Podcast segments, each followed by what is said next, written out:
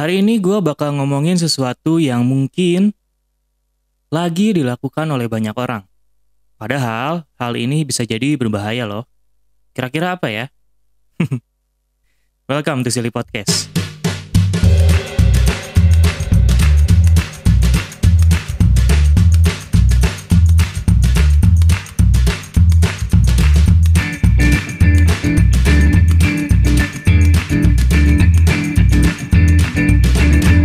Malam ini eh sesuai analogi di awal tadi, eh gue bakal ngomongin sesuatu yang mungkin eh pernah kejadian sama beberapa orang dan sempat ngetren juga. Dan hari ini nggak sendiri lagi ngobrolnya, ada temen lagi kayak kemarin. Dan hari ini gue ditemenin sama Ibnu. Nu, saya dulu, Nu. Hai, hai semua. Ya, jadi Aduh, aduh. Jadi Ibnu ini teman-teman, dia salah satu temen gua kalau masih dianggap teman. Masih ya? Jadi Ibnu ini salah satu temen gua waktu kuliah S1 dulu di psikologi, ya no ya? Ya, kita Iya. mas- kita ketemu dari awal ospek ya. Ah, jadi dulu kita kenal karena kita kelompoknya sebelahan. Ya, betul, betul. jadi Sebelahan banget waktu itu duduknya. ah, jadi jadi jadi dulu gua sama Ibnu tuh ospeknya dibagi kelompok gitu kan, dibagi kelompok dan kita tuh sama-sama tumbal orang yang Ya. suruh duduk paling depan sama kelompoknya, bener kan? Wah, betul sekali. Jadi Karena nggak ada yang mau lagi, jadi siapa lagi? Gitu ya. iya, jadi jadi sampai beres-beres apa sampai beres ospek tuh, yaudah kita di depan aja terus gitu kan. Gak, nggak ganti-ganti Itu ya itu pengalaman ya. pengalaman tapi tapi keren sih keren jadi Ya. eh salah satu maba yang dikenang lah mungkin ya karena di depan mulu gitu kan Wih.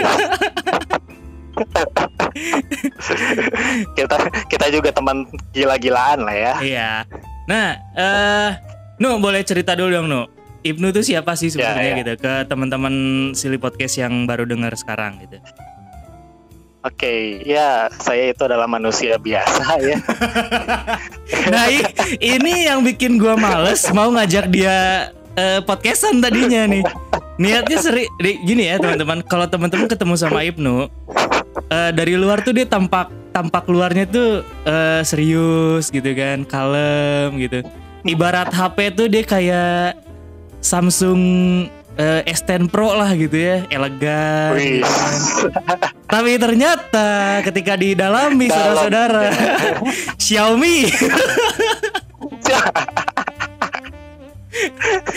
sama Jadi gilanya jangan tertipu sama luarnya ya. Jangan. Ya. sama gilanya sama gua gitu maksudnya ya itu yang bikin kita berdua nyambung sebenarnya gitu kan Ya, betul betul betul. jadi coba lah Nu, proper dikit lah coba Oke oke. Ya, ya gitu. ma- eh, gua manusia manusia biasa yang kebetulan sekali ditakdirkan untuk bertemu dengan Isal ya. ya Itu ditakdirkan sekali ya. Dan eh, kita di kelas yang berbeda di S1-nya ya, meskipun kita masih tetap dalam satu jurusan gitu ya. ya kita sama-sama Dan- psikologi ya Ya, psikologi ya. Hmm. dan gue sekarang eh, memilih jalan yang berbeda dengan Isal nih ya. asik Eh, saya sekarang terjerumus dalam S2 psikologi sekarang. Saya Aja- mengambil magister. jadi anda ter anda terjerumus ya anda ya bukan bukan Gimana lagi, Bro? bukan atas dasar Wah sepertinya aku setelah S1 ini ingin melanjutkan S2 agar ilmu psikologi pu lebih lebih paripurna. Eh, gitu kan? Nggak nggak gitu ya Wah, jadi. Ternyata. Nggak gitu ya jadi ternyata terjerumus ya. Gue pikir gue pikir tuh orang-orang yang ngambil S2 tuh mereka dari hati gitu ya. Ah gue ngambil S2 Iya, biar ini- biar ilmu gue tuh nggak nggak nanggung gitu. Biar ilmu gue tuh pol gitu kan. Mau mau membantu halayak manusia mengembalikan apa keadaan jiwanya jadi normal lagi tuh nggak nggak setengah-setengah gitu ternyata anjir Ya, tidak selamanya kayak gitu. jadi oke S, S- jadi lu lagi ngelanjutin S2 psikologi ya ya, Kam- kampus- masuk kampusnya S2 jangan disebut. Psikologi di kampusnya jangan disebut Eh, Oke oke Oke. di salah satu kampus ngedatengin ya. di salah satu kampus swasta Islam Bandung ya. Iya. Itu udah jelas sekali, Bro. Udah jelas sekali ya. Oke. Udah eh, udah semester berapa sih, Nu? Mana, Nu? Sekarang kebetulan ini juga ya, Hmm. lagi tesis gitu ya. Wih, mantap. Ya, Jadi- lagi tesis. Jadi gua ini eh, datang dengan seenaknya itu kan. Jadi gini teman-teman ya.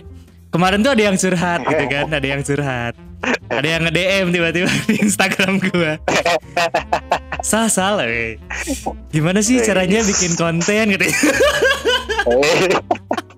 Manis-manis dulu ya. iya gitu kan tiba-tiba ada yang nanya konten nih gue lagi lagi santai gitu kan kenapa emang lu iya nih orang kepikiran pengen bikin konten gini gini gini oh gitu ya udah besok collab aja di podcast orang langsung langsung gue jerebusin Sebetulnya ya pemirsa-pemirsa ya itu adalah sebuah pikiran yang random sekali langsung ditanyakan ya. tapi ditanggapi serius Sangat oleh random. manusia yang satu ini gitu kan Ya, da- kalau kalau kita tuh kan hal yang eh, remeh itu diseriuskan, yang serius kan diremehkan. gitu. tapi tapi tapi emang emang kebanyakan gue nggak tahu ya kalau di di bidang lain gitu tapi emang kebanyakan anak psikologi kalau bikin project gitu kan ya rata-rata gitu sih. Iya ya yang mulainya dari tongkrongan dulu gitu Iya. yang dari ngobrol-ngobrol Tongkrongan dulu. dari ngobrol apa Iya, di di warkop gitu kan ngobrol di misalkan di kampus tiba-tiba jadi apa gitu kan dulu aja Iya, teman-teman emang eh, random. eh, dulu teman-teman eh, kalau yang ngikutin Silly Podcast pasti udah tahu kalau gue pernah cerita tentang gue itu pernah bikin pagelaran kan itu aja Hmm. awalnya dari nongkrong gitu dari nongkrong ngobrol biasa doang gara-gara lihat orang bikin Iya, pagelaran terus kita kita ngebahas pagelaran yang kita tonton terus kita jadi bikin pagelaran gitu kebanyakan gitu kali ya bikin project Iya betul, betul. Jadi semua semua mega proyek itu berawal dari Asik. tongkrongan. ya. jadi Agung Agung Podomoro tuh bikin properti tuh dari tongkrongan Agung Podomoro Mungkin lagi kalau mau sponsori di Podcast kali. Agung Podomoro kalau Iya. mau sponsori podcast ini boleh ya ICU Ya, boleh. Gimana nu kabar nu? Gila udah lama banget nggak ketemu maneh nih. Eh Siri Ya, Podcast eh lama apa? sih. Pendengar Siri Podcast sudah mulai terbiasa dengan orang maneh ya. Iya Bi- iya. biasanya lu Ya, gua awalnya gue dan lu ya. Ah, ah, biasanya lu gua. Gua dan lu ya. Tapi Sekarang semenjak kita mau pakai apa biar kong kaling kong. semenjak apa? Semenjak episode kemarin tuh yang gua collab sama Hilman sama Hakim sering keceplosan guanya jadi ya udahlah ya. Mungkin teman-teman yang nggak ngerti bahasa Sunda juga tahu kalau orang itu artinya aku gitu kan, mana itu artinya kamu Iya. gitu. Ya, Udah ngerti lah iya, ya. boleh. Udah ngerti lah ya. Jadi sebenarnya ntar ya gimana ngalirnya aja sebenarnya. Gimana nu kabar nu? Kita mem, mem- ya kabar baik sih. Sekarang Hmm. kan lagi corona ya. Ya maksudnya tetap di rumah aja terus eh, semua aktivitas perkuliahan pun kan di rumah semua gitu ya mulai dari ngerjain laporan-laporan lah kemudian ada yang bimbingan-bimbingan juga itu Hmm. lewat eh, via online ya semuanya kemudian Hmm. ya tapi yang menjadi hambatan adalah dalam proses kan ini gue sekarang lagi bikin tesis gitu ya jadi Iya, ya. untuk mengumpulkan ide-ide kayak gitu kan ya memang eh, gimana ya kebayang gitu ya lagi di rumah terus dengan situasi yang di gini-gini aja gitu ya ngeliatnya Iya, tuh iya, iya. laptop lagi terus nggak ke mana-mana gitu ya ya itu memang eh, salah satu apa ya eh, hambatan lah buat kita semua mungkin ya nggak cuma Iya, saya doang gitu. iya. gitu jadi proses mengambil ide-idenya tuh kan kadang suka mentok ya gitu ya Mm-mm. kemudian kan hmm jadi eh, mentok kemudian eh, tidak ada teman untuk diskusi biasanya kan kalau di kampus banyak orang dan itu diskusi gitu Nah, ya iya, iya, iya. ini kan hilang gitu ya tapi memang ya mau bagaimana lagi kita harus tetap di rumah stay home dan semoga ini corona cepat berakhir ya gitu Oh gitu. Oke Ya. teman-teman terima kasih Cepat, itu cepat. sebuah closing yang bagus. ya itu ya Udah kayak closing ya. oke Iya. udah udah udah udah Jadi 5 eh, 10 Bermanfaat menit eh, apa eh, 30 menit awal ini habis hanya untuk eh, closing hipno aja ya, teman-teman. ya kan balik lagi jangan melihat jangan melihat casingnya dulu gitu ya lihat dulu dalamnya apa Tapi iya bener sih, Nu. Eh, gara-gara Covid ini kan semuanya jadi pada di rumah nih ya. Kebayang Iya, sih. betul. Eh, maksud maksud gue kebayang sih ya yang kayak lagi tesis, lagi disertasi atau yang lagi kuliah S1 lah yang lagi semester berapa gitu kan. Pasti Hmm. boring banget gitu yang biasanya Iya, misalkan betul. ngerjain tugas di kafe gitu kan di tempat nongkrong Hmm. atau di mana gitu. Ini tiba-tiba semuanya di rumah gitu kan. Semuanya Ya, semuanya ya by online gitu termasuk gue juga sekarang kerja by online ngajar by, Iya. by online gitu kan. hmm. Ya kebayang sih. Nah itu kan, ya dan itu menjadi eh, apa ya? Ada stresnya tersendiri gitu ya. Nah iya benar. Gitu. eh seperti yang pernah gue bahas di gue lupa episode berapa gitu ya gue sempat bahas ini juga nu bahwa gue dua minggu WFH aja udah stres anjir Ya. nggak maksudnya eh gue yang orangnya anak rumahan gitu ya nggak pernah main gitu kan Iya ya. Gua nggak pernah main ya. yang yang yang dulu tuh kuliah pulang kuliah pulang gitu kan Eh stres sendiri ke mana? stres Iya. stres sendiri gitu stres sendiri eh, Ya, tapi. Bu, ya. Wajar sih sebenarnya orang mengalami stres itu sebenarnya ya karena Hmm, eh, di masa pandemi ini kita harus stay home itu karena apa ya eh, arti kebebasan dari kita itu sebenarnya sedang terhalangi gitu. Nah jadi itu dia. tidak kita tidak bisa apa ya tidak bisa bebas gitu. Yang biasanya awalnya kita bebas mau ke sana kemari mau ketemu siapa ke sini sekarang harus dibatasi untuk tetap di rumah saja. Dan itu memang wajar sebenarnya setiap orang untuk eh, mengalami stres gitu ya. Hmm, itu wajar. udah udah pasti akan stres gitu. Oke. Itu jadi kalau misalnya memang eh, orang-orang akan bercerita tentang misalnya lo punya teman gitu ya. Hmm, teman lu bilang e, gua stres gini gini gini gini. Hmm, hmm. Ya, banyak banyak banget tuh. disalahin, memang iya betul. Jadi gak disalahin gitu nggak bisa disalahkan juga gitu. Emang emang keadaannya memang membuat manusia se maksudnya seluruh dunia pun pasti akan merasakan Iya, stres dengan iya. eh, hilangnya kebebasan gitu nah itu dia sih Itu sih. dan sebenarnya kalau ngomong-ngomong soal stres gitu ya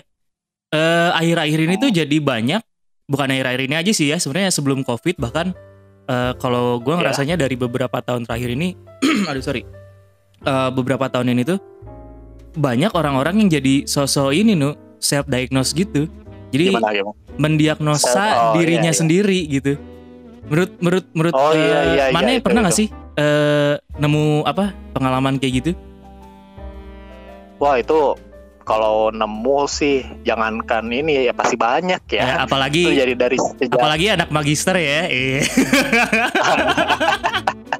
pasti pasti banyak banget maksudnya eh ya balik lagi ketika kuliah lagi S2 apalagi psikologi ya ur- urusannya sama praktikum lagi kan?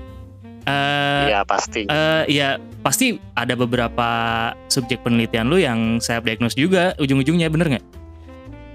Ya itu tidak bisa dipungkiri sih karena memang gimana ya eh sebenarnya ada bagusnya juga ya maksudnya ada positifnya lah kita ambil untuk self diagnose ini oke Eh, seperti ketika eh, dengan kamu merasa bahwa adanya sesuatu yang aneh dalam diri kamu Hmm, itu menandakan kamu itu awareness gitu aware sama eh, diri, kita kamu sendiri gitu. oke Ya betul. Jadi eh, ini kenapa nih saya eh, moodnya berubah-berubah nih? oke Atau misalnya kenapa tiba-tiba aku ngerasa nggak enak kalau misalnya ada di kerumunan orang? Hmm, Atau kalau misalnya eh, ini kenapa ya aku eh, ke mana-mana bawa hand sanitizer misalnya gitu ya? eh, padahal padahal disuruh Eh, padahal disuruh Iya, padahal disuruh. Apalagi sekarang ya masa masa, masa Iya. pandemi kan hand Iya. sanitizer ke mana-mana gitu gitu dan gua gua tiap hari ya bawa kalau nu misalnya oh iya gua tiap hari bawa mana-mana sampai ke WC Iya, tapi nggak pernah gua pakai, bawa aja doang. Maksudnya itu kan kebiasaan ya, masalah kebiasaan gitu ya. Bawa bawa, tapi iya, betul, dipakai enggak gitu. Eh, anyway balik balik Jadi- lagi, balik lagi. ya ya jadi memang eh, ada baiknya sebenarnya hanya Hmm. saja gini ketika kita eh, mencari suatu diagnosa Hmm. itu kan sebagai apa ya kayak mencarinya lewat internet lah Oke, katakanlah oke, gitu ya. oke. Segalanya kan informasi banyak sekali ada di sana gitu. Mm-mm. Yang jadi masalah adalah ketika kita membaca tapi tidak benar-benar memahaminya gitu. Oke. Gitu. Jadi- jadi- Sebenarnya self eh, apa diagnosa sendiri itu pengertiannya apa sih nu gitu? diagnosa itu eh, mendiagnosa diri. Jadi kita eh, apa ya namanya? Melihat apa saja yang terjadi pada diri kita gitu. Oke, jadi Jadi bisa eh, bisa kita kalau di psikologi mungkin eh, kita eh, melihat atau kita istilahnya kayak ngasih list mungkin ya keadaan diri kita tuh Hmm. eh, pada saat ini tuh seperti apa sih gitu dan ketika ya dan ketika eh, keadaannya lagi tidak sesuai itu berbahaya atau enggak sih? Kayak gitu kurang lebih kali ya? Ya kurang lebih gitu. Jadi mungkin umumnya sih awamnya sih kalau diagnosa itu kan berarti pemberian label ya. ah iya benar-benar label kita tuh eh, kenapa sih ada apa dengan Hmm, diri kita hmm, gitu ya? Hmm, hmm, hmm. gitu. Nah tapi kan diagnosa diagnosa pusing atau apa kan itu diagnosa sebenarnya kan gitu. Nah, eh, berarti kan si proses pendiagnosan ini harus harus ada ini ya, harus ada kayak misalkan kita tahu eh, ciri-cirinya, tahu gejala-gejalanya, iya tahu apa Betul. yang misalkan baik dan tidak baik dalam eh, diri kitanya gitu kan kayak gitu ya kurang lebih ya. Hmm, Nah. iya betul Eh tapi yang jadi masalah kan diagnosa itu setahu gua nggak bisa dilakukan oleh diri sendiri, bener nggak? iya karena diagnosa itu kan final eh, dari beberapa gejala yang terjadi dalam diri kita kan sebenarnya gitu dan gejala itu kan eh, perlu apa ya ada penelitiannya maksudnya adalah eh, mencari tahu mengenai gejala-gejala yang muncul pada diri kita gitu kan Oke, dan dan ada Itu- alatnya ya setahu gue ya. bisa dengan alat atau dengan berbagai ya tools-tools yang dimiliki Hmm, oleh hmm. para para profesional pastinya gitu. Hmm. Dan maksudnya bukan ini bukan cuma bukan cuma tentang eh, psikis psikis aja ya, tapi fisik juga gitu kan. Iya betul. Jadi kalau misalnya kita bicara tentang ranah psikologi nih gitu ya, Hmm. self diagnosa ini ya memang eh ya itu secara psikis ada, kemudian mungkin juga ada gejala-gejala secara fisiknya Fisiknya juga ya. ada gitu. Ah. Hmm. Nah, yang jadi tren sekarang tuh kan banyak orang yang jadi mengaku nu Ci, mengaku Iya. Ken- Eh, mengaku ya. confess gitu mereka confess bahwa guys gua bipolar guys gua Hmm, eh ya, ya. schizofren guys gua sampai gua pernah nemu tuh ya salah satu ini menurut gua agak konyol tapi jadi menarik buat eh, dibahas bareng-bareng gitu ada satu akun Hmm. YouTube eh, akun YouTube ini akun luar yang punya orang luar perempuan Iya.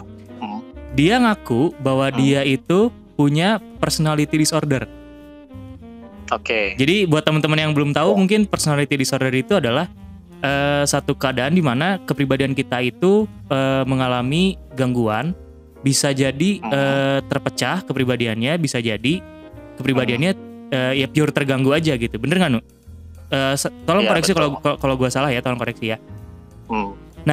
Si eh, youtuber ini dia mem apa ya istilahnya? Eh, kayak nge-reveal, kayak ngasih lihat ke eh, apa penontonnya, ke viewersnya, kalau eh, dia tuh punya personality disorder, eh, multiple, multiple personality disorder, dan Oke. dikasih lihat, dikasih lihat eh, setiap personalitinya masing-masing. Hmm. Maksudnya, eh, mungkin kalau teman-teman yang yang awam denger ini, belah mana lucunya gitu. Tapi buat buat Iya. orang psikologi pasti ngerti. Coba deh nu, kalau menurut menurut eh, Mane dari cerita orang yang tadi, eh, gimana tuh tentang self diagnose yang ngarahnya ke Ya. personality disorder gitu dan dia nge-reveal itu ke publik gitu. Oke, personality disorder ya. Jadi memang eh, kita lihat dulu misalnya disorder katanya. Hmm, Katakanlah disorder. Disorder itu udah menjadi sebuah gangguan dalam diri kita gitu. Oke. Jadi memang eh, intinya intinya kalau misalnya tentang disorder ini Mm-mm. ada eh, sebagian yang memang merusak dalam keadaan lingkungan kita. Maksudnya adalah keadaan Oke. diri kita dengan lingkungan gitu. Jadi Berat- berarti ada hal yang terganggu gitu. Berarti tarafnya ketika misalkan udah sampai disorder, ada fungsi-fungsi eh, psikis yang bakal terganggu dan menghambat hubungan dia dengan orang lain gitu maksudnya.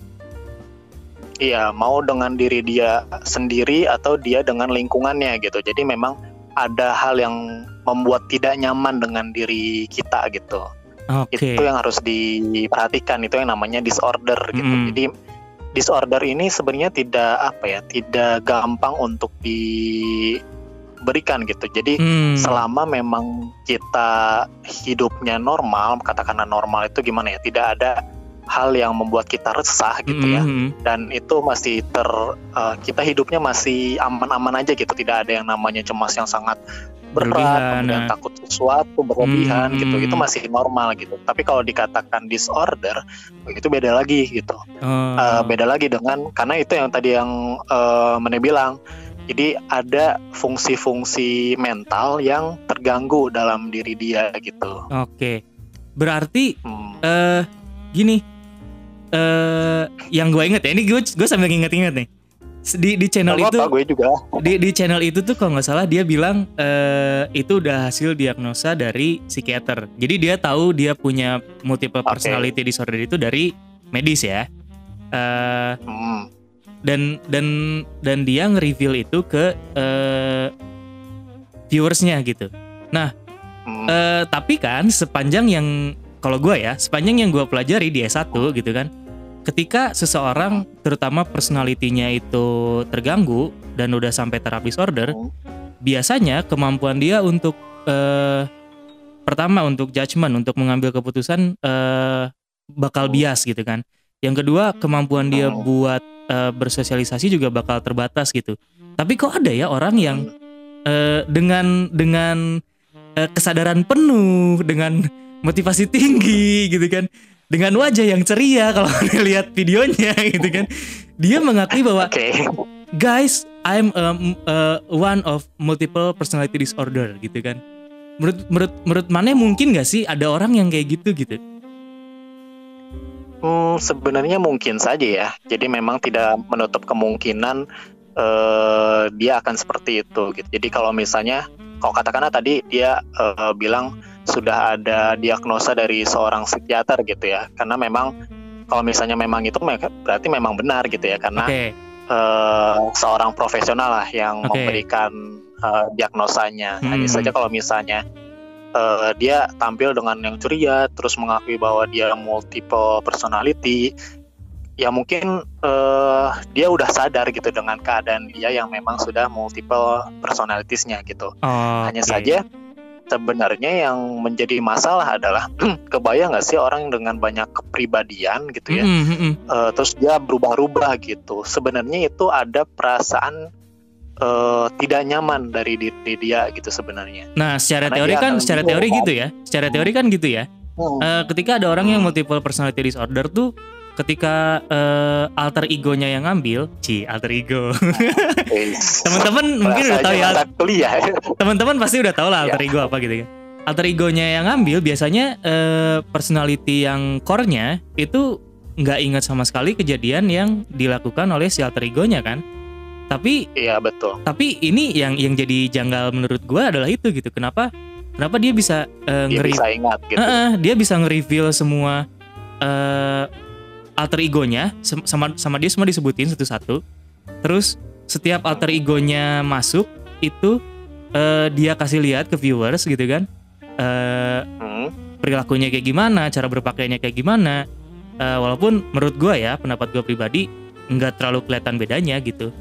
Ya kita kita tahu lah ya. Iya. Kalau kalau kita berdua mungkin Hmm. kita tahu lah eh, orang yang dengan multiple personality disorder yang pure eh, biasanya perilakunya aja udah udah drastis kan eh, perbedaannya gitu. I- Ya ini kalau menurut gua Hmm. dari si youtuber ini nggak terlalu gitu kan dan Iya. dan dan ada satu satu satu apa satu segmen di mana dia manggil alter, alter egonya nu Hmm. jadi alter egonya dipanggil yang maksud gua gua nggak tahu apakah itu bisa atau enggak gitu ya Eh, secara Hmm. keilmuan jujur nggak gua nggak sampai nih S1 belum sampai situ kan Iya. nah eh, Masih ini. jadi aneh gitu menurut gua kok kok dia bisa manggil alter Oke. egonya sendiri gitu nah menurut mana gimana Eh, sebenarnya kalau dikatakan tidak mungkin juga karena mungkin ya balik lagi ke dianya gitu dia gimana dengan personalitinya gitu. Oh, Oke. Eh, katakan lagi nih kalau misalnya mi- mengatakan kalau kita bahas tentang multiple personality gitu. ya. Hmm. Kayak film ini aja film yang pernah hits lah, Split lah ya. Oke, itu film Oke. berapa tahun yang lalu ya? Nah.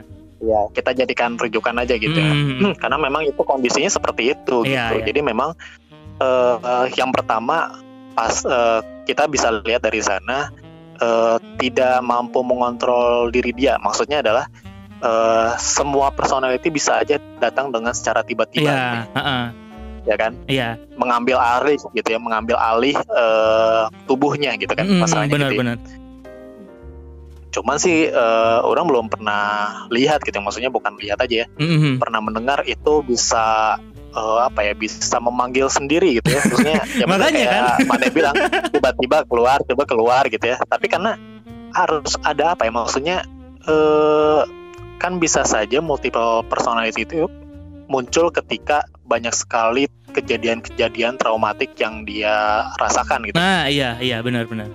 katakanlah kayak gini ketika dia tidak puas dengan masa kecilnya gitu ya Mhm. dan sekarang dia udah dewasa gitu ya. Mm-mm. Ketika dia tidak puas dengan masa kecilnya, mungkin saja dia eh, multiple personalitiesnya menjadi anak kecil gitu nantinya. Nah, Kan bisa aja kayak gitu. Iya, atau benar. misalnya keinginan untuk jadi kuat gitu ya. Mm-mm. Makanya dia bisa jadi orang yang kuat sekali atau dan lain sebagainya gitu. Ka- Nah, itu jadi karena kan Hmm, al- jadi alter ego sendiri kan alter ego sendiri kan sebenarnya ini ya eh, bentuk dari eh, defense mekanismenya keadaan psikis kita gitu kan? iya Heeh. betul. Jadi mm, jadi eh, kalau misalnya disadari dan dia katakan gini ya, kalau dia bilang sudah bisa untuk mengendalikan gitu ya, berarti Hmm. kan dia hebat gitu ya. Dia dia keturunan Deddy Kobusier jangan dia hebat gitu ya Maksudnya bisa mengambil apa memi- mengam- eh, bisa memanggil orang lain untuk eh, menjadi dirinya gitu ya saat itu Hmm, gitu hmm. karena kan keadaannya itu sangat tidak apa ya tidak eh, tidak apa sih namanya tidak seimbang gitu keadaan dianya gitu jadi antara dia mau jadi apa aja tiba-tiba berubah jadi siapa terus berubah lagi jadi siapa berubah lagi Hmm. jadi siapa gitu Mhm. itu Dan- kan mungkin saja semakin parah semakin cepat untuk ininya gitu untuk berubahnya gitu Nah, dan dan dan alter ego sendiri kan muncul sebenarnya harus eh, sejalan dengan stimulus tertentu kan yang eh, berhubungan sama si alter ego itu sendiri gitu. Contohnya misalkan alter ego yang berhubungan sama eh, ingin menjadi kuat gitu kan. Mungkin munculnya ketika ya orang itu dibully gitu misalkan. Nggak nggak yang tiba-tiba dia bisa panggil sendiri gitu kan. ya bisa jadi gitu Nah, gitu jadi memang kita harus cari tahu dulu si orang ini kenapa dulu nih gitu kan Hmm, sebenarnya kalau misalnya gini kalau misalnya mungkin saja dia tersugesti dengan perkataan eh, psikiaternya yang mengatakan dia multiple eh, personality. personalities gitu ya gitu jadi eh, oh aku nih personal eh, multiple personality yang gitu kan ya Hmm. tiba-tiba eh, eh, aku menjadi seorang Yugi di Yugi oh karena ini anime Eh, ini kelihatan kartun- ya. kartun jadul ya Teman-teman terlihat ya mana yang wibu, mana yang bukan terlihat ya. padahal dua-duanya aku otaku padahal dua padahal dua-duanya otakku. Ya kayak gitu ya jadi eh, aku ingin menjadi ini terus dipanggil terus berubah lagi jadi orang ini kan nggak gitu, Nah, gitu. iya, jadi benar, mungkin karena dia ada sugesti kan kita nggak tahu ya kita berandai aja mungkin saja dia bersugesti bahwa dia memiliki personality disorder makanya dia bisa mengumbar ke dunia bahwa dia memiliki personality disorder tapi yang jadi masalahnya bukan multiple Personality-nya. personality-nya Sal. Apanya? bukan itu masalahnya Apanya tuh? Masalahnya adalah eh kenapa dia bisa merasa bangga bahwa dia merupakan seorang yang multiple personality. That's the point maksud orang itu gitu. Kenapa dia dengan kesadaran penuh seperti yang orang Iya. sebutkan tadi gitu kan dengan wajah yang ceria gitu kan. Guys, I wanna I wanna reveal something to you. I am a Iya, multiple personality jadi- disorder, man. What? This Iya. Asyasya gitu kan. Kenapa gitu? Sebenarnya gini, kalau misalnya ya kalau misalnya dia sudah tahu gitu ya tentang eh gangguan yang dimiliki oleh dia gitu ya. Oke. Kan yang menjadi masalahnya bukan hanya sekedar eh, dia adalah seorang yang multiple personality, Mm-mm. tapi yang jadi permasalahan adalah eh dia bangga dengan katakanlah kalau ada orang yang bisa bangga dengan gangguan kepribadian dia, kenapa dia bisa bangga gitu? Oke.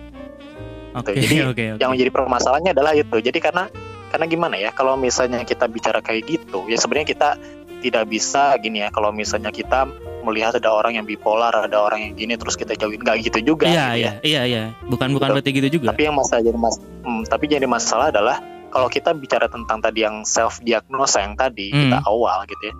Ketika kita mengatakan nih, nih gue adalah seorang yang multiple personality, hebat kan gue? Nah, gitu. hebat kan gue? Aku berbeda dengan kalian gitu. Nah, itu yang jadi masalah Oke. karena keadaan disorder ini sangat membuat tidak nyaman gitu loh. Hmm.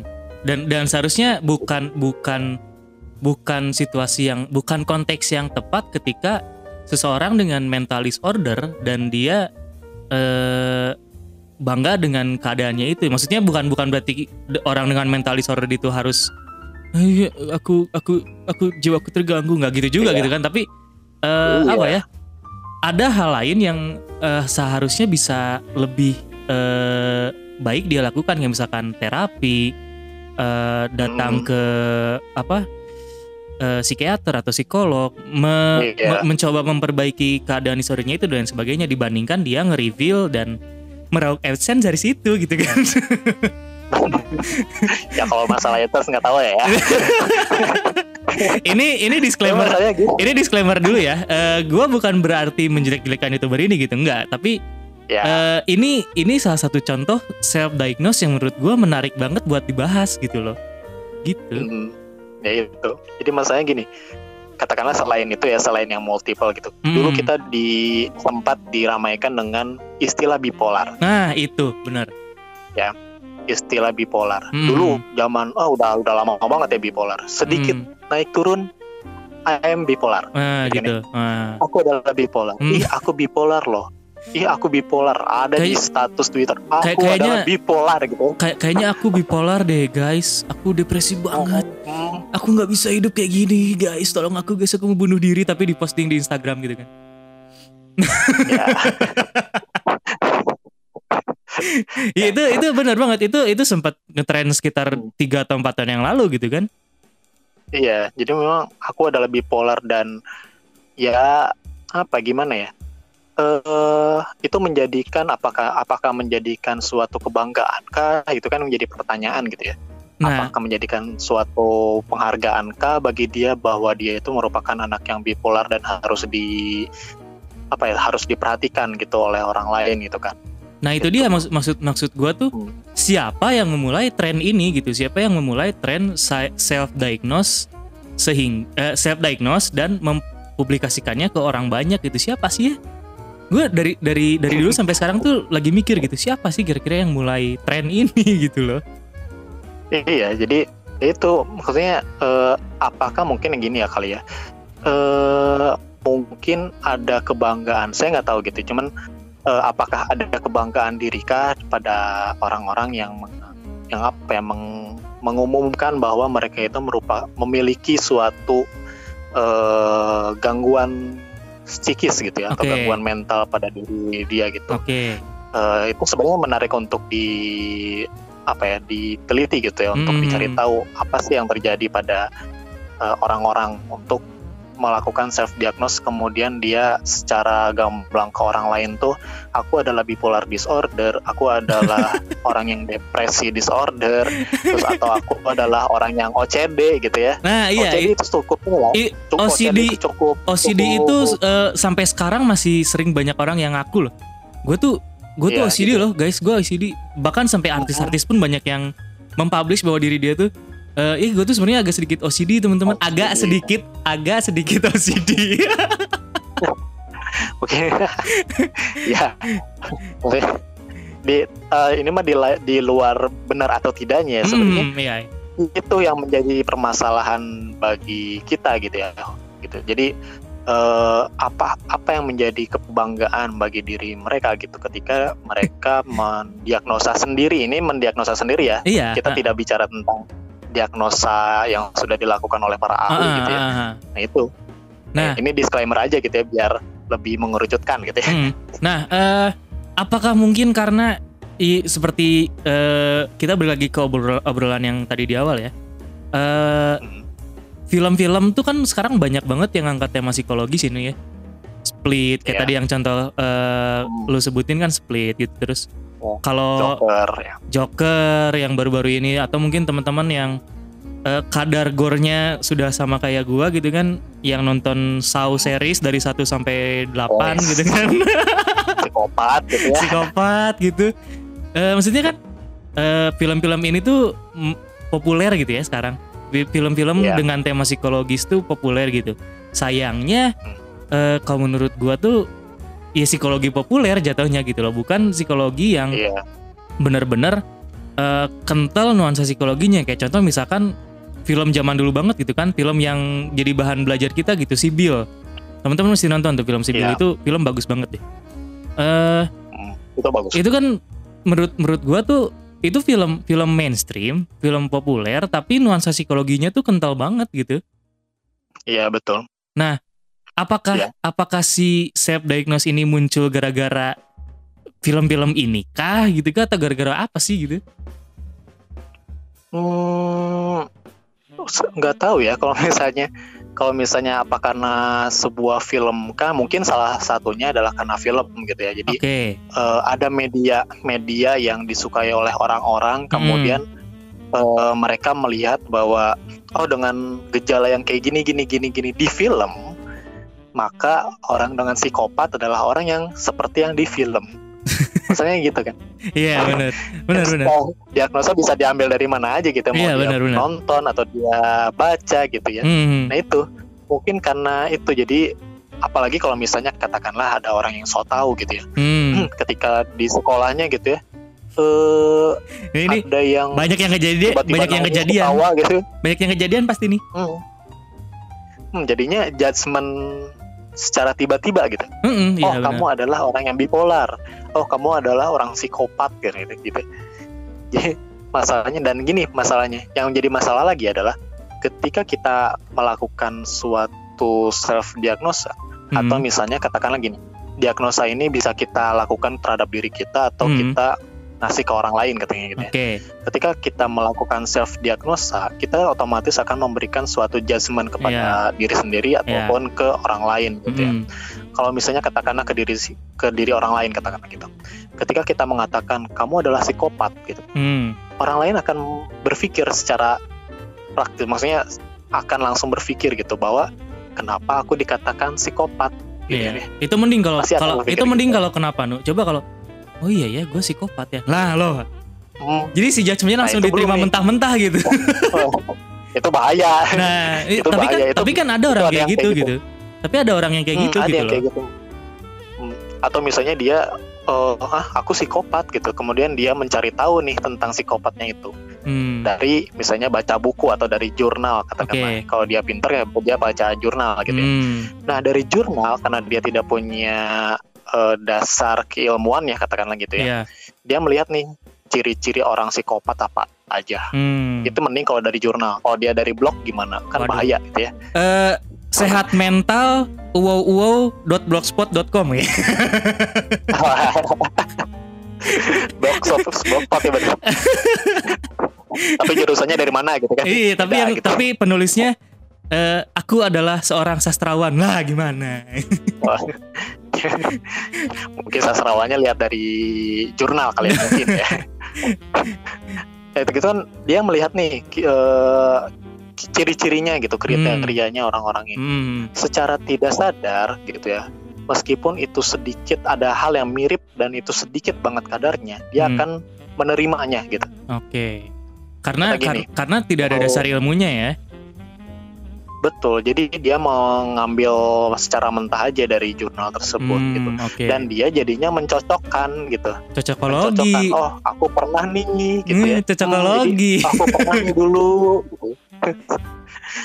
Gitu, jadi oh iya ya aku kayaknya psikopat nih Oke. aku kok psikopat ya tiba lama-lama dia kepikiran dan dia melabelkan memberikan label bahwa dia itu psikopat gitu Hmm. dan bisa jadi kalau misalnya dia sudah melabelkan bahwa diri dia ini psikopat ya mungkin saja perilakunya pun akan dia eh, dia akan mencontohkan perilaku perilaku orang yang psikopatnya psikopat itu iya gitu. benar sih ngeri juga ya ngeri kayak Tuh, gitu teman-teman. Orang yang normal gitu ya dari orang normal tiba-tiba jadi psikopat gara-gara apa judgement dari kalian gitu. Nah lo tuh teman-teman gitu, makanya yang nggak anda tahu. anda anda hei jamet jamet yang suka ngetik ngetik di Instagram tuh ya judgement judgement orang tuh dengerin nih ya kata mahasiswa S2 yang Iya. bentar lagi lulus. Gila. Doakan ya. Jadi jadi emang emang sebenarnya eh, si self diagnose ini bisa bisa bisa tren kali ya. Gue nggak mau bilang muncul aja gue tren aja gitu Hmm, si self diagnose ini tren si tren si self diagnose ini tren tuh ya gara-gara mungkin orang nonton film orang misalkan nonton public figure yang tadi seperti gue ceritain di awal dia yang reveal diri dia kayak gimana. Kayak contoh kan ada salah satu Hmm. artis yang dulu dia emang bipolar kan kita samarkan saja namanya Ya. jadi itulah. Ya itulah. Yang yang sempat booming Ya, kan karena karena karena Iya. dia ngepost videonya itu kan ya maksudnya Iya. mungkin karena orang-orang melihat itu jadi eh berpikir bahwa ah eh gue kayaknya punya ciri-ciri yang sama kayak artis itu apa mungkin gue bipolar ya terus dia dengan senang hatinya membagikan itu di media sosial gitu kan lain tapi lain cerita Iya. dengan dengan teman-teman kita yang emang benar-benar bipolar yang mereka ngebangun komunitas gitu bener nggak nu? iya betul Nah karena kan ya betul jadi karena kan si justru gue malah kasihan gitu sama teman-teman kita yang eh, benar-benar bipolar dan mereka ngebangun komunitas gitu. Iya. Mereka jadi yang Iya. kayak ini orang orang-orang kenapa sih pada pengen bipolar gitu? jadi sebenarnya menjadi bipolar tuh sangat sangat Nggak nyaman, iya nggak enak nggak gitu. loh. nyaman Tapi jadi memang tapi malah jadi banyak orang yang ngaku-ngaku bipolar gitu. Iya dan jangan sampai menjadikan bipolar ini sebagai bahan bercandaan sih sebenarnya gitu Nah itu dia. itu ya itu tidak itu perilaku tidak terpuji lah ya gitu untuk Hmm. jadikan bercandaan gitu kamu bipolar dengan gampangnya kemudian perlu teman-teman ketahui di sini kalau misalnya bipolar itu tidak semena-mena atau tidak semata-mata eh, adanya perilaku perubahan emosi saja gitu Ya benar-benar.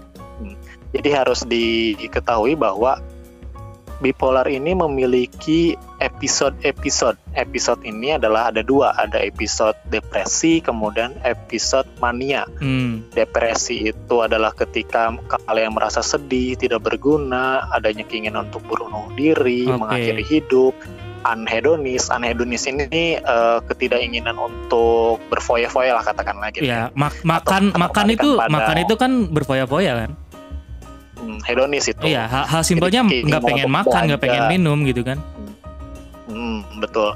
Kemudian ada episode mania. Mania itu yang benar-benar memiliki gairah. Gairahnya itu gairah untuk senang, terus ketawa-ketawa, Hmm. kemudian nyanyi-nyanyi gitu. Jadi mania itu punya episode yang energinya itu banyak banget dan Hmm. tidak terkontrol. Hmm, oke. Kalau depresi itu energinya sangat minim, Oke. males ngapa-ngapain gitu. Tapi tapi Perlu bukan diketahui bahwa tapi bukan berarti ini ya, bukan berarti kayak misalkan depresi itu ah gua mager bukan gitu ya, bukan kan? enggak enggak.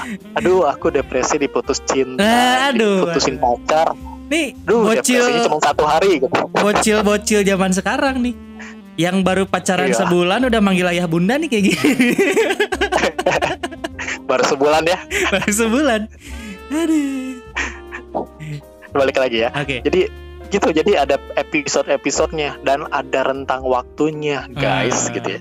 Jadi ada rentang waktunya juga untuk kapan episode depresi ini muncul, berapa lama, kemudian episode manianya ada berapa lama Hmm. dan tidak bukan yang benar-benar yang hari ini sedih, besok seneng, besok lagi sedih lagi, besok seneng lagi. Oh, Nggak- oke. nggak semudah itu gitu. Ada Ah. episodenya. Uh, tapi kalau misalnya memang sudah sangat parah, mungkin saja setiap harinya atau episodenya semakin rentannya semakin pendek gitu. Oke. Itu kalau udah udah udah sangat parah gitu ya. Dan kalau itu mah kalian kalau kalian merasa kayak gitu atau ada orang lain itu mah bawa aja ke rumah sakit gitu ya. Ya, Tapi kalau misalnya yang masih masih oke ini bipolar gitu ya, itu ada rentangnya gitu. Jadi Hmm. nggak semata-mata diputus cinta gitu ya, diputus cinta sebulan merenung gitu ya, sebulan merenung besoknya dapat pacar baru terus dia seneng banget. Ya itu enggak lah gitu, nggak kayak gitu gitu. Karena bipolar ini ya gimana ya Saleh? Itu ada kerusakan otak, otak gitu ya. Oke. Dalam otak itu ada ada apa ya? eh, Cairan-cairan otaknya itu ada yang bermasalah gitu. Hmm, oke Jadi oke. tidak semata-mata hanya sekedar eh, senang senang sedih senang sedih gitu, tapi karena ada eh, perubahan pada struktur otaknya gitu. Jadi Hmm. eh, tidak tidak sepele gitu bipolar itu sebenarnya gitu. Nah, tuh teman-teman ya. Jadi bu- bukan bukan bukan karena stimulus bukan karena satu stimulus ya perubahan si eh, energi dan emosinya itu bukan karena satu stimulus doang gitu kan, tapi Hmm. ada kerusakan di dalam otak yang mengakibatkan emosi orang tersebut jadi nggak stabil juga gitu kan ya intinya ya. Betul. Nah, Jadi tuh. episode episode mania pun tidak sekedar-kedar eh, energinya gede, tapi ada banyak sekali kayak misalnya menjadi impulsif. Hmm. Impulsif itu jadi kalian kalau mau belanja tuh tidak bisa tertahan gitu, Iya, semuanya iya, mau iya. aja dibelanjain semuanya gitu, atau eh, apa pun gitu. Jadi ada keinginan untuk disegerakan gitu kan Hmm. keinginan kalian. Jadi pengen pengen ada segera sekali gitu. pengen segera nikah gitu. Pokoknya hari ini besok eh hari ini Oh. harus nikah gitu. Kayak gitu ya nih. Oh, padahal jomblo.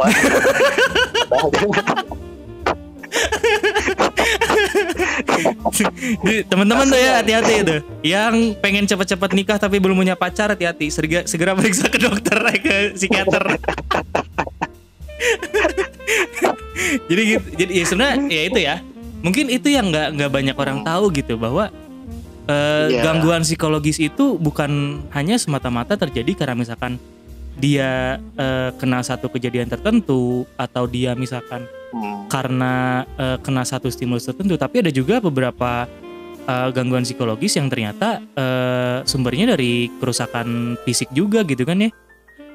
Iya betul dan jangan khawatir untuk teman-teman yang mendengarkan ini. Jadi karena di akhir-akhir tahun ini eh, masalah mental illness itu sudah naik gitu ya banyak dibandingkan tahun-tahun sebelumnya gitu. Hmm, Jadi banyak sekali eh, pakar-pakar psikologi atau misalnya yang bekerja dalam bidang kesehatan mental itu sudah mulai terlihat gitu. Iya. Dan di situ bisa menjadikan ranah kalian untuk bisa bertanya dengan orang yang sudah mendalami ilmu tersebut gitu. Hmm. Dan kalau misalnya eh, kalian yang mendengarkan ini merasakan ada gejala-gejala atau hal yang aneh dalam diri kalian, misalnya merasa cemas nih atau lagi kalau misalnya di keadaan genting kayak gini ya kayak lagi pandemi merasa Iya, iya. stres sangat berkepanjangan Hmm, tidak usah takut bah, untuk men- apa ya eh, mendaftarkan diri atau misalnya bertemu dengan orang eh, yang Ahli, bergerak ya. dalam kesehatan mental Hmm. ya ahlinya gitu baik secara konseling atau apa gitu ya karena sekarang kan udah mulai ini ya udah mulai bergerak gitu ya bidang-bidang khususnya kalau kita psikologi gitu ya dan dan dipermudah gitu. banget sih nu, dipermudah banget. Sekarang tuh Hmm, ah, kalau nggak salah ada aplikasi di mana kita bi- udah bisa konseling via chat sama eh, psikolog, bener nggak? itu dulu iya Nah. betul jadi itu udah memudahkan jadi jangan jangan takut dan malu gitu ya untuk bercerita karena eh, semakin kalian pendam kemudian semakin kalian tidak mau ceritakan kepada orang lain yaitu pikiran kalian terus ber berputar aja dalam pikiran kalian dan itu membuat kalian tidak nyaman Iya gitu. dan dan justru malah bikin keadaan eh, mental illness-nya jadi makin parah ya nu ya. betul mungkin saja awalnya cuma sekedar stres gitu ya Hmm. sekedar stres terus Hmm. Dipendem lama-lama jadinya depresi gitu ya. Waduh. itu kan jadi parah gitu Waduh, itu stres. bahaya dan Stres gitu kan Hmm. lihat mantan udah pada nikah. Aku kapan nikah ya Allah? waduh ya Kapan nikah ya Allah? kapan Maaf teman-teman, aku stres gitu aku di podcast kali ini banyak curhat nih. cerah sekali Oke, eh kalau misalkan kita eh, ngelihat obrolan kita sepanjang ini anu ya, kesannya tuh kayak misalkan self diagnose tuh eh, sesuatu yang sebenarnya harusnya kita hindari gitu ya. Tapi sebenarnya boleh nggak sih kita self diagnose gitu?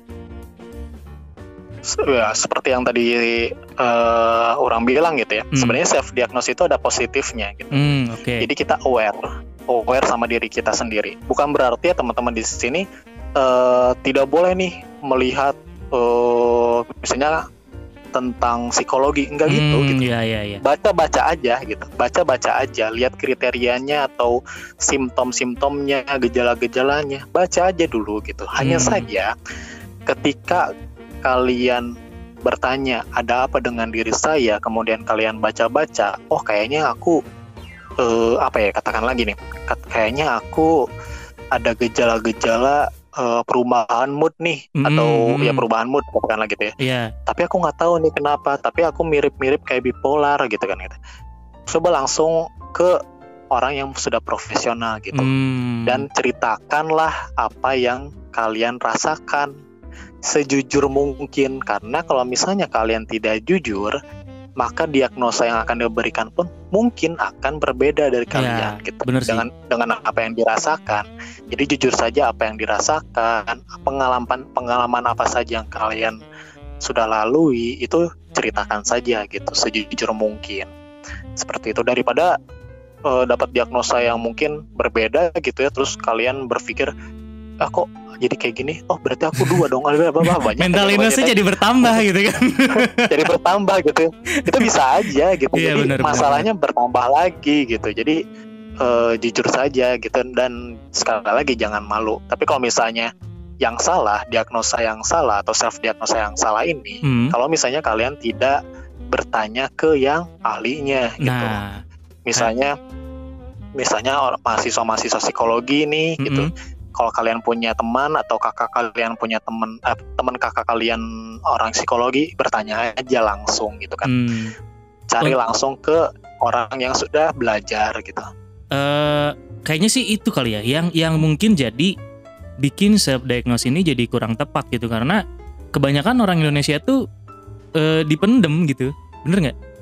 Iya jadi betul. eh, malu sebenarnya. malu malu. Jadi eh, orang orang yang misalkan satu keluarga dan di satu keluarga itu satu orangnya misalkan punya gejala mental illness gitu Eh, keluarga yang lain Hmm. tuh cenderungnya malah nutupin gitu kan dan mereka malah berkutat Iya. sama spekulasi mereka sendiri gitu loh ini anak gua kayaknya Hmm. gila nih anak gua kayaknya kayak gitu kan padahal iya Padahal gitu. hal-hal yang tepatnya kan eh, ketika ada eh, kerabat kita yang punya gejala mental illness atau kita sendiri kita ngerasain punya gejala mental illness, selain kita cari tahu Hmm. eh, informasinya ya kita tanya ke yang ahlinya kan sebenarnya yang lebih tepat kayak gitu kan.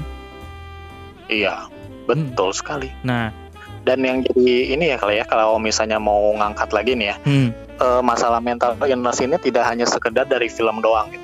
oke. ini kita lihat dari kasus-kasus yang ada sekarang nih ya Hmm, hmm, hmm. self diagnosa ini kalau kita biar bicara tentang self diagnosa ini kan sebenarnya sudah terjadi sejak kita zaman SMS-an nih. Waduh, Lu tar tar tar tar. lu ngerasain nggak? Ntar, ntar, ntar. Gue inget, inget, inget, inget dulu. Gue pernah punya HP atau enggak? yang mana nih? Enggak, yang mana nih? Pada Nah, pokoknya pada gini, masa dulu tuh- apa? dulu tuh masa-masa mungkin kelas apa ya SMP SMA kayaknya masih ada lah SMA juga ya. Oke. Jadi dulu Contohnya? tuh dulu tuh ada ini ya. Lu, lu inget nggak ya ketika ada SMS misalnya "Ya, bayangkanlah kamu Oh. memasuki sebuah rumah gitu kan ya. Oh, Kemudian SMS ini, pintu. SMS SMS beruntun gitu ya? SMS berantai. Ya. Iya, iya, iya, Terus gue ngalamin, gue ngalamin, gue ngalamin. Terus kamu eh, apa yang pertama kamu lihat? Cangkir, pintu, kursi, bla bla bla gitu ya. Ah, Terus kita kan oke, SMS oke, balik oke. nih ya, SMS balik nih. Eh, pintu gitu ya. Hmm. Langsunglah keluar SMS berikutnya. Kalau pintu apa, kalau ini apa, Iya, kalau iya, itu iya, apa, ini apa. Kamu adalah orang yang humoris, pada aku pendiam gitu ya. Kamu adalah orang pen harmo humoris membla bla bla bla bla. Sebenarnya itu mulai dari sana menurut gue sih udah mulai arah ke self diagnosa karena Oke. itu kan diagnosa kita tuh adalah orang kayak gimana gitu ya. Iya, iya, iya, iya, Gitu iya. Ih, Tapi kok- kan yang jadi masalahnya adalah Oh, ih aku orangnya humoris loh. Ih, harusnya aku humoris loh. Kenapa aku diem terus? Nah itu itu gitu. malah jadi sumber mas sumber masalah gitu kan? Hmm, jadinya ada ketidakseimbangan dalam Hmm. pikiran kita. Tapi ya positifnya sih sebenarnya itu menjadi sinyal positif. Harusnya aku bisa. Cuman kan Ah, ya itu di luar di luar salah dan benarnya bahwa keadaan keadaan self diagnosa itu udah ada sejak zaman SMS lah kita lah dulu gitu iya ya iya iya. gitu. Tapi tapi emang Jadi sebenarnya emang trivia trivia itu kan namanya trivia ya kayak gitu gitu kan ya trivia Hmm, trivia kayak iya. gitu tuh emang emang gue semenjak masuk psikologi tuh mulai kayak meragukan gitu masa iya sih kepribadian orang tuh bisa bisa dilihat dari misalkan cara dia minum misalkan atau cara dia eh, memilih kemeja atau memakai kemeja kalau cara menulis itu udah jelas ya itu ada ilmunya teman-teman kalau melihat Hmm. kepribadian dari cara or- tulisan tangan itu memang ada ada ilmunya namanya grafologi dan Ya, itu grafologi. eh, base-nya grafologi adalah eh, ilmu kembangan atau pengembangan ilmu dari tes grafis sebenarnya jadi di psikologi itu ada yang namanya tes grafis dengan menggunakan teknik menggambar gitu ya nah grafologi dari situ Hmm. tapi kalau misalkan kepribadian orang bisa dilihat dari cara dia memilih motor itu bagaimana gitu kan. misalkan gua yang cuma punya motor bebek 110 cc gitu. Orang ini adalah orang yang sederhana. Bukan sederhana, bego. Gua nggak punya duit kok kayak gitu caranya gitu kan. Aneh gitu trivia-trivia ini tuh. Gitu loh ya. Jadi teman-teman itu teman-teman boleh lah eh, having fun dengan trivia-trivia eh, psikologi yang kayak gitu. Ya. Tapi jangan terlalu di apa dimasukin ke hati juga gitu. Itu cuma buat seru-seruan doang sih kalau menurut gua bener nggak? Iya. Sebenarnya kalau just have fun nggak Iya masalah. nggak sih. masalah sih kalau buat Iya, silakan doang nggak masalah. Tapi Cuman yang jadi masalah adalah ketika ketika kita melabelkan dirinya itu yang jadi masalah. Nah itu kan maksud maksud gua ke situ gitu. Jadi sebenarnya kalau kalau ngomongin self diagnose ya sah-sah aja sih ya. Ketika misalkan Sosok aja. eh, apa batasannya itu cuma sampai eh, kita tahu bahwa diri kita tuh baik-baik aja atau enggak gitu kan. Nah kalau mau lebih jauh dari Iya. kalau mau lebih jauh dari itu berarti kita harus datang ke ahlinya gitu kalian ya. betul, Nah betul. Jadi sebenarnya dia self diagnosis udah lama banget ya mm-mm. dan dan maksudnya dari zaman dulu. maksudnya kita pun anak-anak psikologi yang udah tahu ilmunya pun kadang masih suka self diagnose sendiri kok kayak misalkan gini aduh kayaknya gua stres nih eh kayak kayak gue sekarang gitu ya kerja di rumah Hmm. gitu kan terus eh, sekarang beban kerja lagi tinggi gara-gara lagi rapotan terus dan lain sebagainya gitu kan Eh as long as Hmm. cuma sebatas itu kayaknya nggak masalah kali ya self diagnose ya Hmm, nggak masalah. Jadi kalau misalnya yang ya mungkin katakanlah aku ngerasa stres, ya nggak masalah. Memang stres kan sebenarnya iya. gitu. Iya iya benar. Tapi kalau misalkan udah tarafnya ke aduh gua depresi nih teman-teman kayak gitu kayaknya enggak sih ya enggak enggak mungkin kita siap diagnose sendiri kayaknya ya. Ya. Jadi selama kalian punya teman cerita, ceritakanlah saja dulu gitu ya. Hmm. Ya kalau misalnya stres kayak gitu yang nggak nggak masalah ya. Cuman menjadi masalah adalah ya ketika mengatakan depresi, ya depresinya kan sebenarnya kita harus tahu depresi itu kan ada yang berat, ada yang Nah iya ada benar yang benar ringan, benar gitu benar ya. benar juga benar. ada ada gitu. Sebenarnya kalau kalau depresi setiap orang pasti pernah melakukan apa merasakan depresi. Hmm. Depresi itu kan gejala bahwa kita itu frustasi gitu sebenarnya. Iya iya. Eh, sesuatu tidak sesuai dengan keinginan kita itu Hmm, pasti depresi. hmm. Cuman yang jadi masalah adalah ketika kalian awareness depresinya kalian ini bertahan sangat lama, itu berarti ada yang tidak beres dengan diri kalian Dan gitu. tidak diobati gitu Dan- ya. Hmm, gitu. Jadi ya segeralah untuk eh, ke psikiater atau ke psikolog gitu Nah. untuk melakukan diagnosa lebih lanjut gitu. Dan dan ya balik lagi sebenarnya self diagnose adalah cara eh, diri kita untuk mempertahankan agar keadaan diri kita tuh tetap baik-baik aja gitu ya. Hmm, betul. Dan Asal jangan dijadikan itu sebagai kebanggaan sih sebenarnya. itu dia. Gue curiga ini yang yang yang tadi kita omongin di awal, dia bukan dia bukan personality disorder kayaknya. Dia narsistik kayaknya. dia narsistik kayaknya. Aduh, itu ya kalau kita, ya kalau misalnya kita mau ngambil positifnya kayaknya dia mau memberikan apa ya? edukasi eh, kali ya. Sebenarnya edukasi gitu, Ah, edukasi kalau kali. misalnya punya disorder itu eh, tidak selamanya eh, Hidup hidup tidak kalian berubah saja, gitu kan. Punya punya Iya. mental illness itu bukan berarti hidup kalian berubah atau gimana, tapi ya apa ya etika kali ya selama selama selama dia memberikan eh, positif eh, apa ya, isinya positif semua ya nggak masalah sih sebenarnya iya iya. cuman kalau misalnya dia mengatakan kalau kalian A B C kalian berarti Nah, itu sih. personality Eh, Nah, itu apa, jadi masalah itu nggak jadi ketika- masalah ya. ketika kontennya jadi ngeliding orang buat self diagnose diri mereka sendiri itu jadi masalah sih ya nah iya itu yang jadi masalah Nah, oke. Jadi setelah satu jam obrolan kita ini, gitu kan? Eh Satu jam ya? Udah satu jam ya nggak Nggak kerasa gila. Saking lah. Ini eh, teman-teman ya, kita itu nongkrong udah jarang banget karena ya gue kerja si Ibnu S2 gitu kan. Nongkrong tuh benar-benar cuma sekali terus berapa bulan kemudian baru bisa nongkrong lagi gitu loh. Dan ini ba- Iya, baru pertama banget. kalinya, baru pertama kalinya kita teleponan dan langsung bikin konten. gila emang gua. Gua yang gila emang. Tapi dari dari satu jam obrolan kita ini, nu kira-kira eh, lu ada pesan-pesan nggak sih buat teman-teman eh, pendengar Silly Podcast di Oke. sana yang yang mungkin sekarang lagi dengerin gitu eh, tentang self diagnose Oke. ini gitu?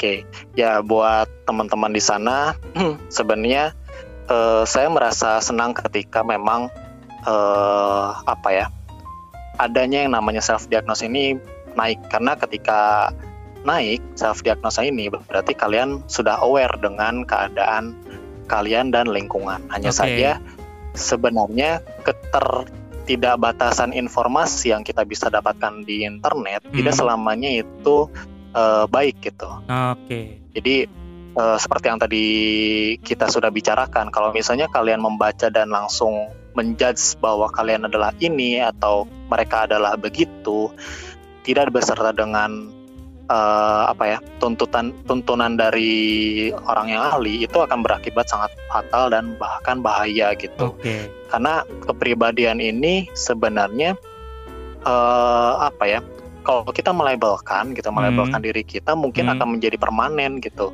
itu Oh, yang oke. menjadi masalahnya tapi selama kalian ingin mencari tahu gitu ya mencari tahu apa sih yang menjadi yang dinamakan dengan gangguan kepribadian atau personality disorder Oke. mau cari tahu silakan saja gitu. Kalau misalnya mau tanya langsung ke ahlinya itu lebih baik karena Hmm. kalian akan mendapatkan informasi yang lebih jelas gitu. Oke. Kan gitu. Jadi Eh, di tulisan kayak gimana intisarinya tuh apa gitu kan sebenarnya gitu. Oke, oke, oke.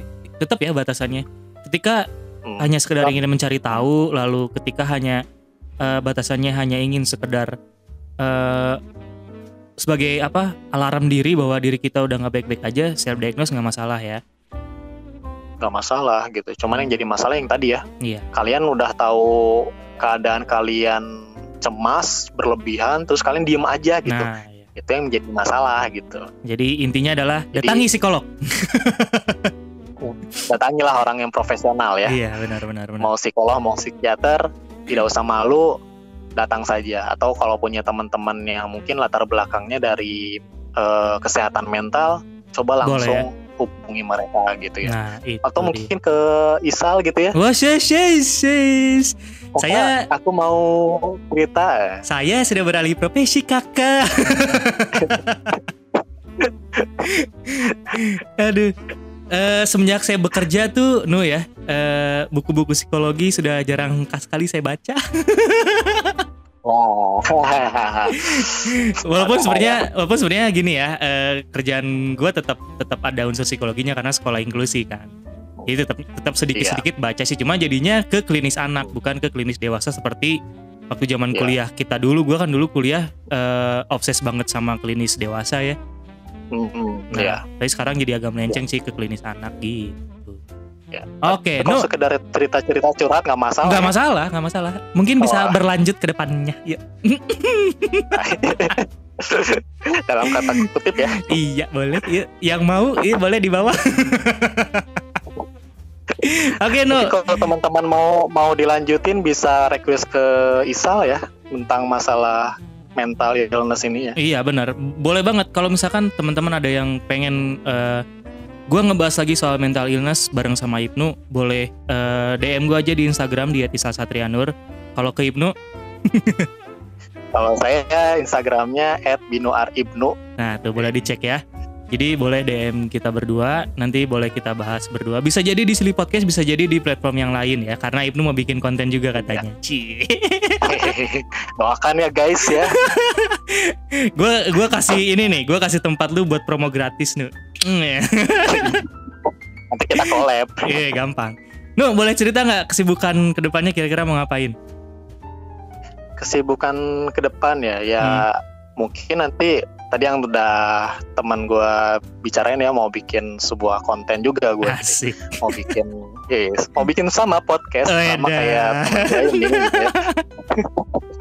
Tapi kalau ke depannya sih memang sebenarnya eh, tentunya ingin membuat sebuah biro psikologi ya atau Oke. ya mau membuka apa membuka kesempatan untuk teman-teman juga bercerita gitu mengenai Oh. permasalahan kehidupan teman-teman gitu ya Mhm. dan ya paling itu sih sebenarnya kalau misalnya lebih singkatnya untuk mengedukasikan masyarakat juga sebenarnya Oh. itu kan penting ya untuk masalah kesehatan mental untuk apalagi di, di zaman sekarang gitu ya itu banyak sekali permasalahan isu-isu mental illnessnya itu gitu jadi memang eh, itulah eh, eh, apa ya tujuan nanti ke depannya mau seperti apa gitu Oke, Wih, mulia sekali Anda. mulia sekali ya Tidak ada Mulia banget tidak ada unsur-unsur cuan ya di dalamnya ya. kalau cuan ya sebenarnya pengen ya Waduh. Wah, Jadi gini teman-teman ya. Eh, tolong bedakan Iya. orang yang oportunis dengan orang yang oportunis tapi berlandaskan profesionalitas. Eh, iya betul kadang-kadang orang suka mikir gini ya. Eh, ini sebelum gua closing nih. Ah, Ya, ngapain ngapain datang ke psikolog bayar mahal-mahal cuma di hmm ya hmm ya kasih saran itu mah gue cerita sama temen gue juga bisa. Tapi beda men. Eh apa ya? Eh, ketika kita cerita ke psikolog, mereka itu melihat kita sebagai eh, manusia yang utuh dan punya landasan teori eh, landasan berpikir yang ilmiah gitu. Sedangkan kalau kita cerita sama temen doang mah ya kayak misalkan berdasarkan ini aja apa saling kenal aja gitu kan. Nah, di situlah eh, pepatah cuan berdas- berdasarkan profesionalitas itu muncul gitu kan. Jadi ya ada ada barang ada harga lah gitu ya gitu ya kurang lebih ini ya. ya itulah bisa lah Oke. Jadi kurang lebih itu aja teman-teman yang bisa gua bahas malam ini gila satu jam gua dua podcast terakhir lama banget. Biasanya cuma setengah jam. tapi kayaknya 40 menit. bahas bahas bahas kayak gini emang pasti lama ya Iya nggak mungkin. Eh, kadang gua sendiri aja ngebahas eh, mental health tuh bisa hampir sejam sih emang. Apalagi Iya. apalagi bareng sama temen kayak gini wah. waduh lama ya tiga jam harusnya ini mah Iya podcastnya Om Deddy kalah ya. Om Deddy, Om Deddy. Oke, buat teman-teman, terima kasih udah dengerin. Jadi kalau mau kalau teman-teman mau eh, gua dan Ibnu atau gua sendiri atau Ibnu sendiri ngebahas lagi tentang mental illness gitu kan, eh, boleh DM gua di @isal_satrianur. Eh, follow juga Silly Podcast. Eh, jangan lupa eh, subscribe ya Silly Podcastnya. Terus eh, kalau ada yang mau curhat sama Ibnu tadi Instagramnya di mana Nu? at Binuar Ibnu Oke, @binuaribnu ya. Tuh teman-teman catat. Eh, dan semoga apa yang kita bahas malam ini ada sedikit faedahnya ya dibanding episode-episode sebelumnya yang kadang fa- faedahnya cuma Ini mah. sedikit gitu kan. minimal dikit lah ya I- i- yang dulu-dulu juga lebih dikit berarti Nu kalau ini cuma dikit Nu. yang dulu-dulu lebih dikit lagi gitu. Ya. Oke, sampai ketemu lagi di episode selanjutnya dan I'm out.